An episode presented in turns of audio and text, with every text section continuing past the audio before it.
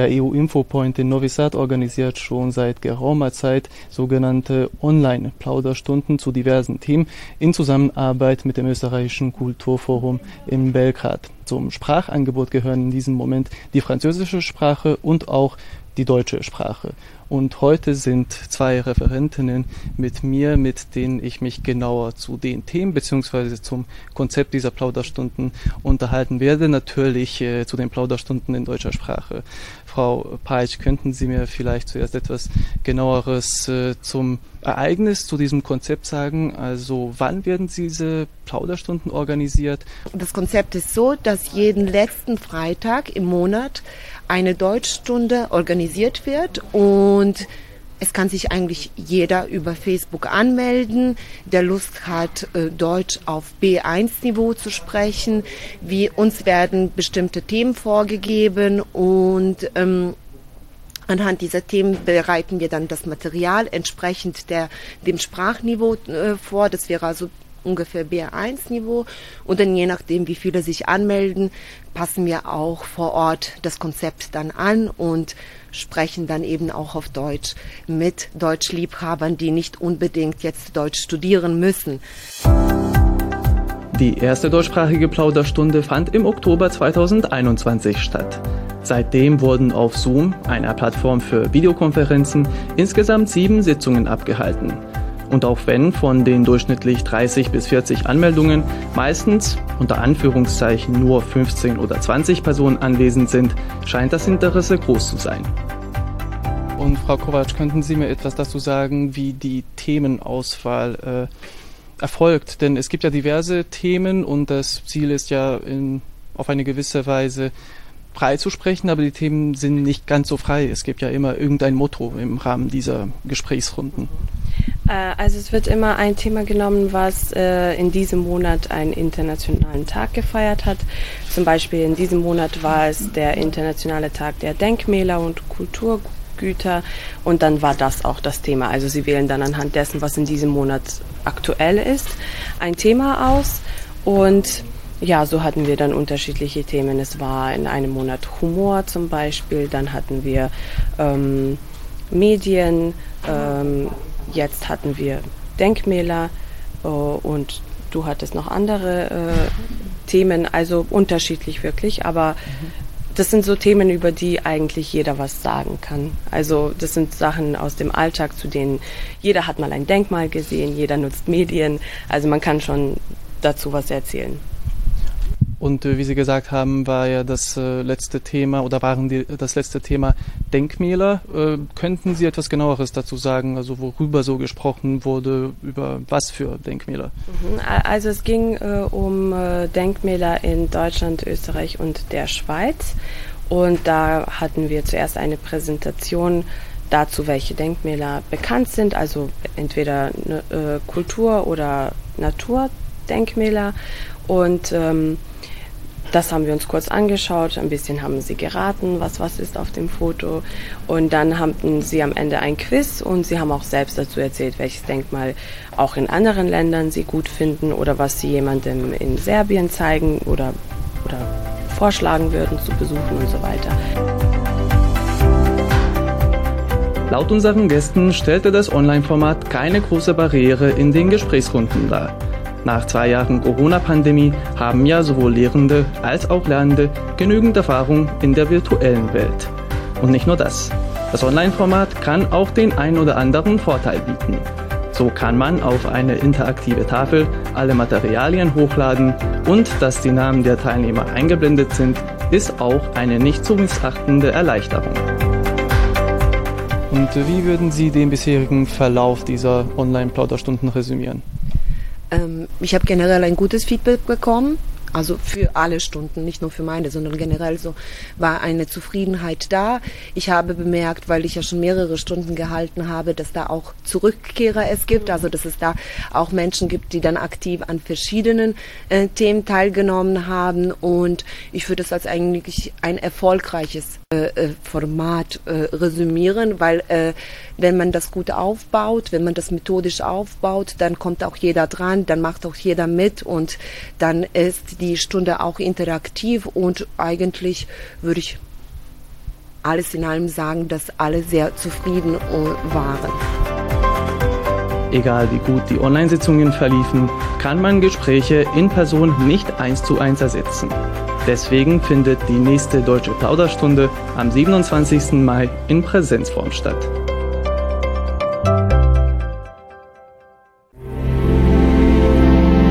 Gledate paletu. Izbor iz emisija na jezicima nacionalnih zajednica.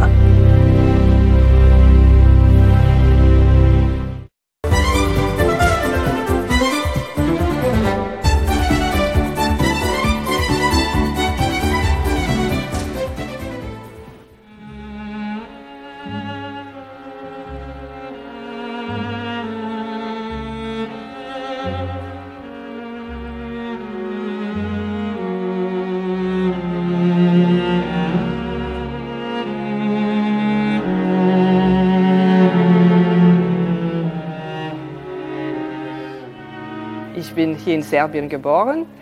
Äh, meine Mutter ist Russin, also ich bin halb Serbin, halb Russin, äh, aus einer Familie, die übrigens aus Ukraine äh, stammt.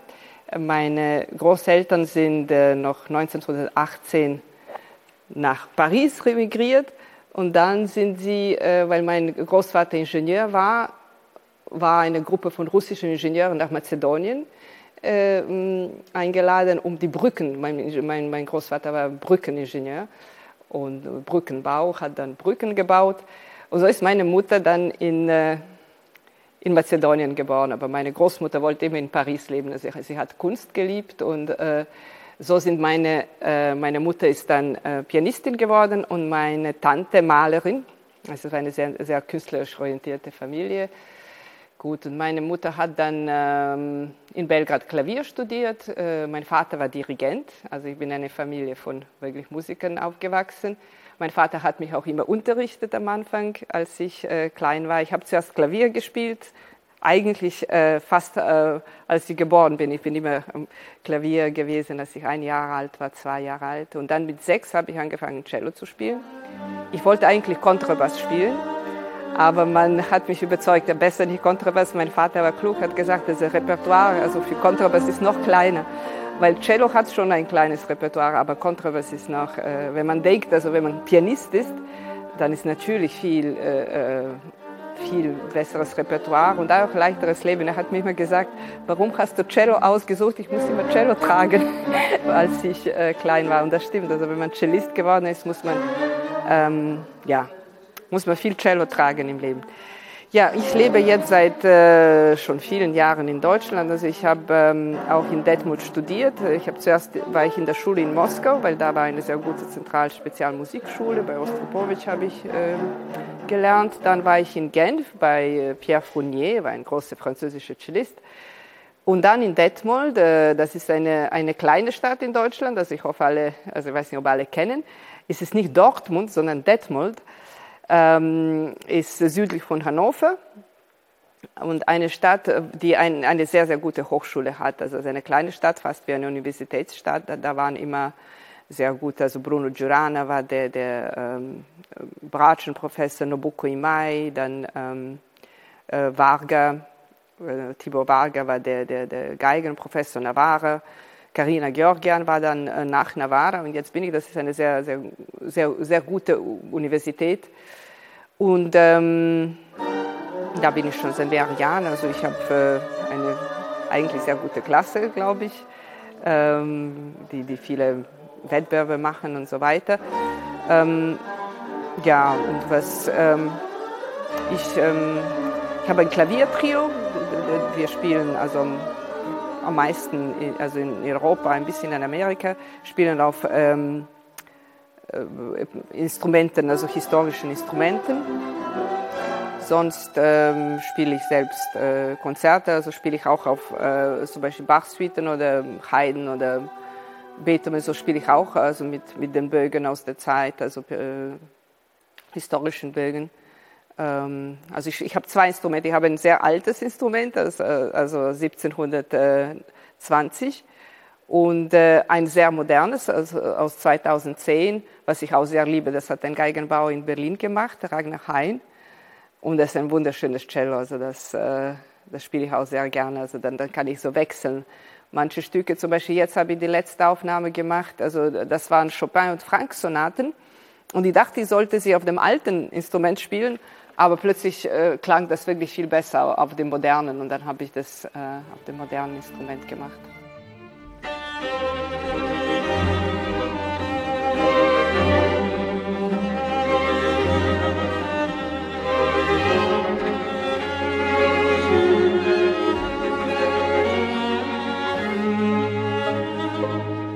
Jetzt bin ich in Novi Sad, weil wir eine, äh, ein Konzert und eine CD-Aufnahme machen, also mit den Stücken. Also das wird ein Stück von Ivan Jeftic sein. Ivan Jeftic ist auch ein serbischer Komponist, der in Paris äh, gelebt hat, studiert hat. Jetzt lebt er auch zwischen Paris und Be Belgrad. Und das Stück hat er 200, äh, 2014 geschrieben für mich. Äh, und äh, jetzt ähm, freue ich mich sehr, dass, äh, weil dieses Stück kann man auch spielen als Streichquintett oder als Solocello mit, mit Streichorchester.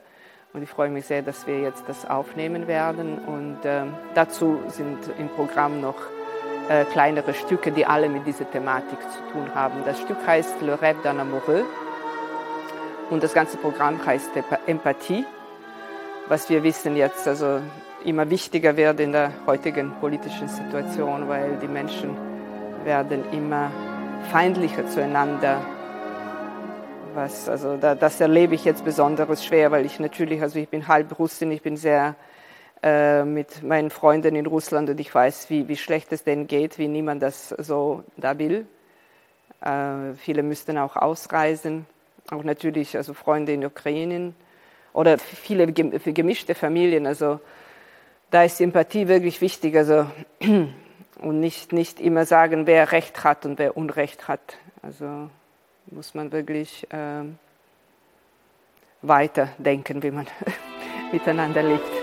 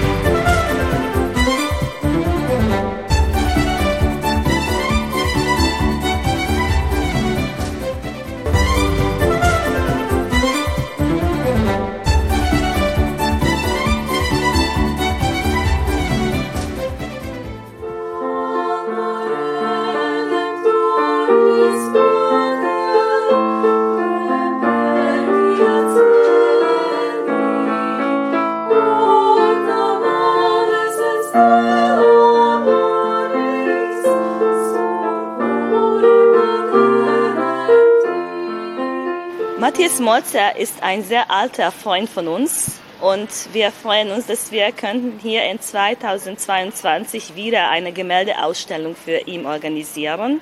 Er ist ein Polyhistor, ein Komponist, ein Schrifter, auch ein Maler und äh, seine Gemälde sind für uns wirklich sehr nett.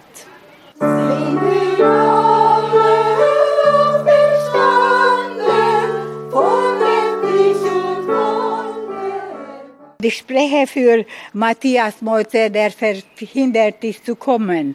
Und er hat uns diese Schrift gegeben und jetzt werde ich das vorlesen. Der Krieg ist Feind des Lebens. Der Krieg in Wahrheit ist, löst gar nichts, wie die Krankheit, die Armut und den Not. Und noch etwas. Der Krieg bringt viele Migranten und Flüchtlinge und den Tod von unschuldigen Menschen. Wir fragen uns, warum kann das alles passieren? Die Völker und die einfachen Menschen sind sogenannten Feinde miteinander. Wirklich? Nein, meine Meinung nach ist nein. Nur ein Beispiel. Im Ersten Weltkrieg äh, auf den Front deutscher, französischen, die Soldaten beiden Seiten haben sich umarmt am Tag der Heiligen Abend. Und was bedeutet das?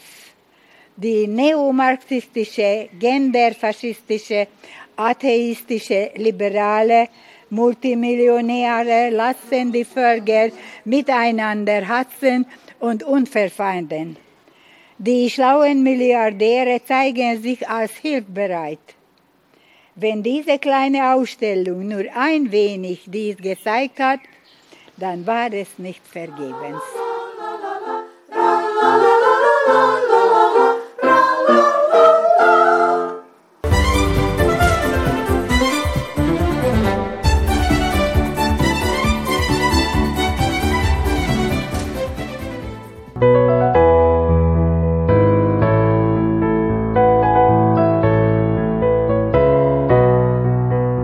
Der Grundschule Petar Kocic in Temerin wird die deutsche Sprache seit ca. 40 Jahren unterrichtet. Heute gehört Deutsch neben Englisch, der ersten Fremdsprache, zusammen mit Russisch zur Auswahl der zweiten Fremdsprache, die in den Klassen 5 bis 8 mit zwei Wochenstunden unterrichtet wird. Von den knapp 600 Kindern der Schule lernen momentan um die 450 Deutsch. Sowohl bei den Lernenden als auch bei ihren Eltern ist die Sprache ziemlich populär. Dies bestätigte uns auch die Deutschlehrerin der Schule.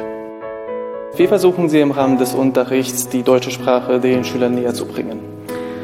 Also wir machen viele Spiele. Äh, wir äh, sind auf die Kommunikation äh, orientiert. Also bei mir ist nicht so wichtig, dass die Schüler grammatische Regeln wissen, sondern dass sie frei sprechen.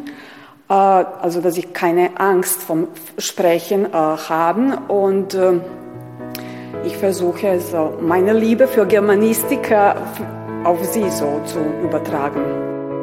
Um den Unterricht interessanter zu gestalten, nimmt die Schule momentan am Projekt des Goethe-Instituts das Bild der anderen teil. Dadurch hat nun eine Klasse Briefpartner aus einer Schule in Italien. Bis 2019 beteiligte sich die Grundschule aber auch an einem großen Projekt, in dessen Rahmen vier Jahre nacheinander ein deutsches Sprachcamp auf dem Schulgelände organisiert wurde. Wir hatten die Möglichkeit, mit der Pädagogischen Hochschule in Weingarten äh, zusammenzuarbeiten und das war äh, Partnerschule für diesen Projekt. Äh, also die Schüler äh, haben zehn Tage lang im August äh, an einem Sprachcamp teilgenommen, das von den äh, Studenten äh, aus Novi Sad und Studenten aus äh, Weingarten äh, gemacht wurde. Am Ende der achten Klasse sollen die Schüler das Niveau A1 erreichen. Um zu erfahren, was sie bisher gelernt haben, baten wir auch einige Kinder um ein kleines Interview. Wie alt bist du und in welche Klasse gehst du? Ich bin äh, 14 Jahre alt und gehe in siebte Klasse. Und seit wann lernst du Deutsch? Ich lerne Deutsch seit äh, fünfter Klasse. Was ist dein Traumberuf? Äh, mein äh, Traumberuf ist Lehrerin. Ich bin 13 Jahre alt und ich gehe in, der, in die sechste Klasse. Seit wann lernst du Deutsch? Ich lerne Deutsch zwei Jahre. Was sind deine Lieblingsfächer? Meine Lieblingsfächer sind Deutsch, Sport und Erdkunde. Ich bin 13 Jahre alt und gehe in äh, siebte Klasse. Und seit wann lernst du Deutsch?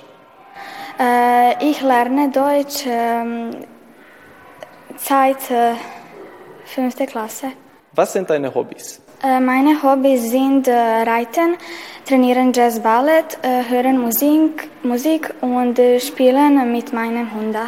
Mein Hobby ist Volkstanz. Was sind deine Lieblingsfächer? mein, Lieb mein Lieblingsfächer sind Physik und Serbisch. Und was wirst du in den Sommerferien machen? Ich fahre nach Griechenland. In den Som Sommerferien ich gehe ans Meer und spiele Fußball mit Freunden. Am äh, Sommerferien ich mich mit äh, Freunden treffen. Ich fahre ans Meer, äh, reiten und hören Musik und schwimmen.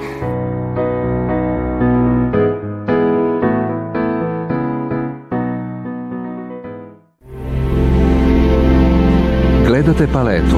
Izbor iz emisija na jezicima nacionalnih zajednica.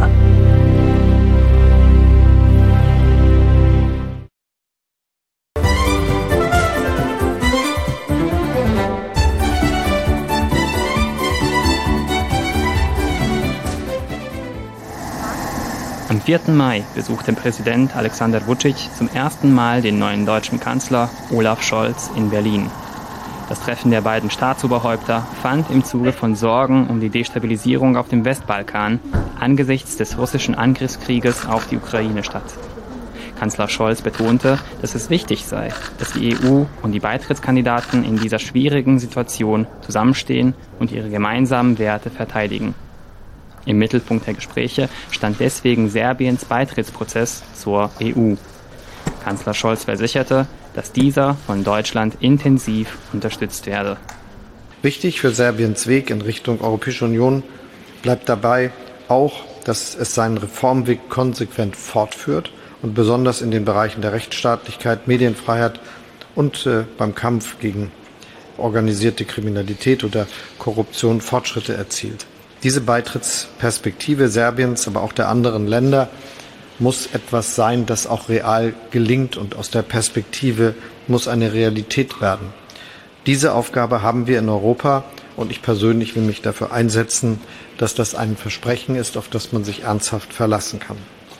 Weitere zentrale Themen waren der Normalisierungsdialog mit Kosovo, wie auch die sezessionistischen Bestrebungen in Bosnien-Herzegowina von Präsidentschaftsmitglied Milorad Dodik. Kanzler Scholz habe Vucic seine Sorgen diesbezüglich ausgelegt. Ich glaube nicht, dass in Bosnien-Herzegowina eine Seite allein schuld ist an den dortigen Problemen. Darüber habe ich detailliert mit dem Bundeskanzler gesprochen. Was ich ihm aber versprochen habe, ist, dass Serbien auf keinen Fall Quelle für irgendwelche Probleme sein wird. Und Sie wissen, wenn wir etwas versprechen, dann halten wir unser Wort. Auch die bilateralen Wirtschaftsbeziehungen von Serbien und Deutschland waren ein Thema bei dem Treffen. Vucic betonte, dass Deutschland der wichtigste und größte Handelspartner für Serbien sei und dass Serbien auf dem Westbalkan auch der wichtigste Partner Deutschlands wäre.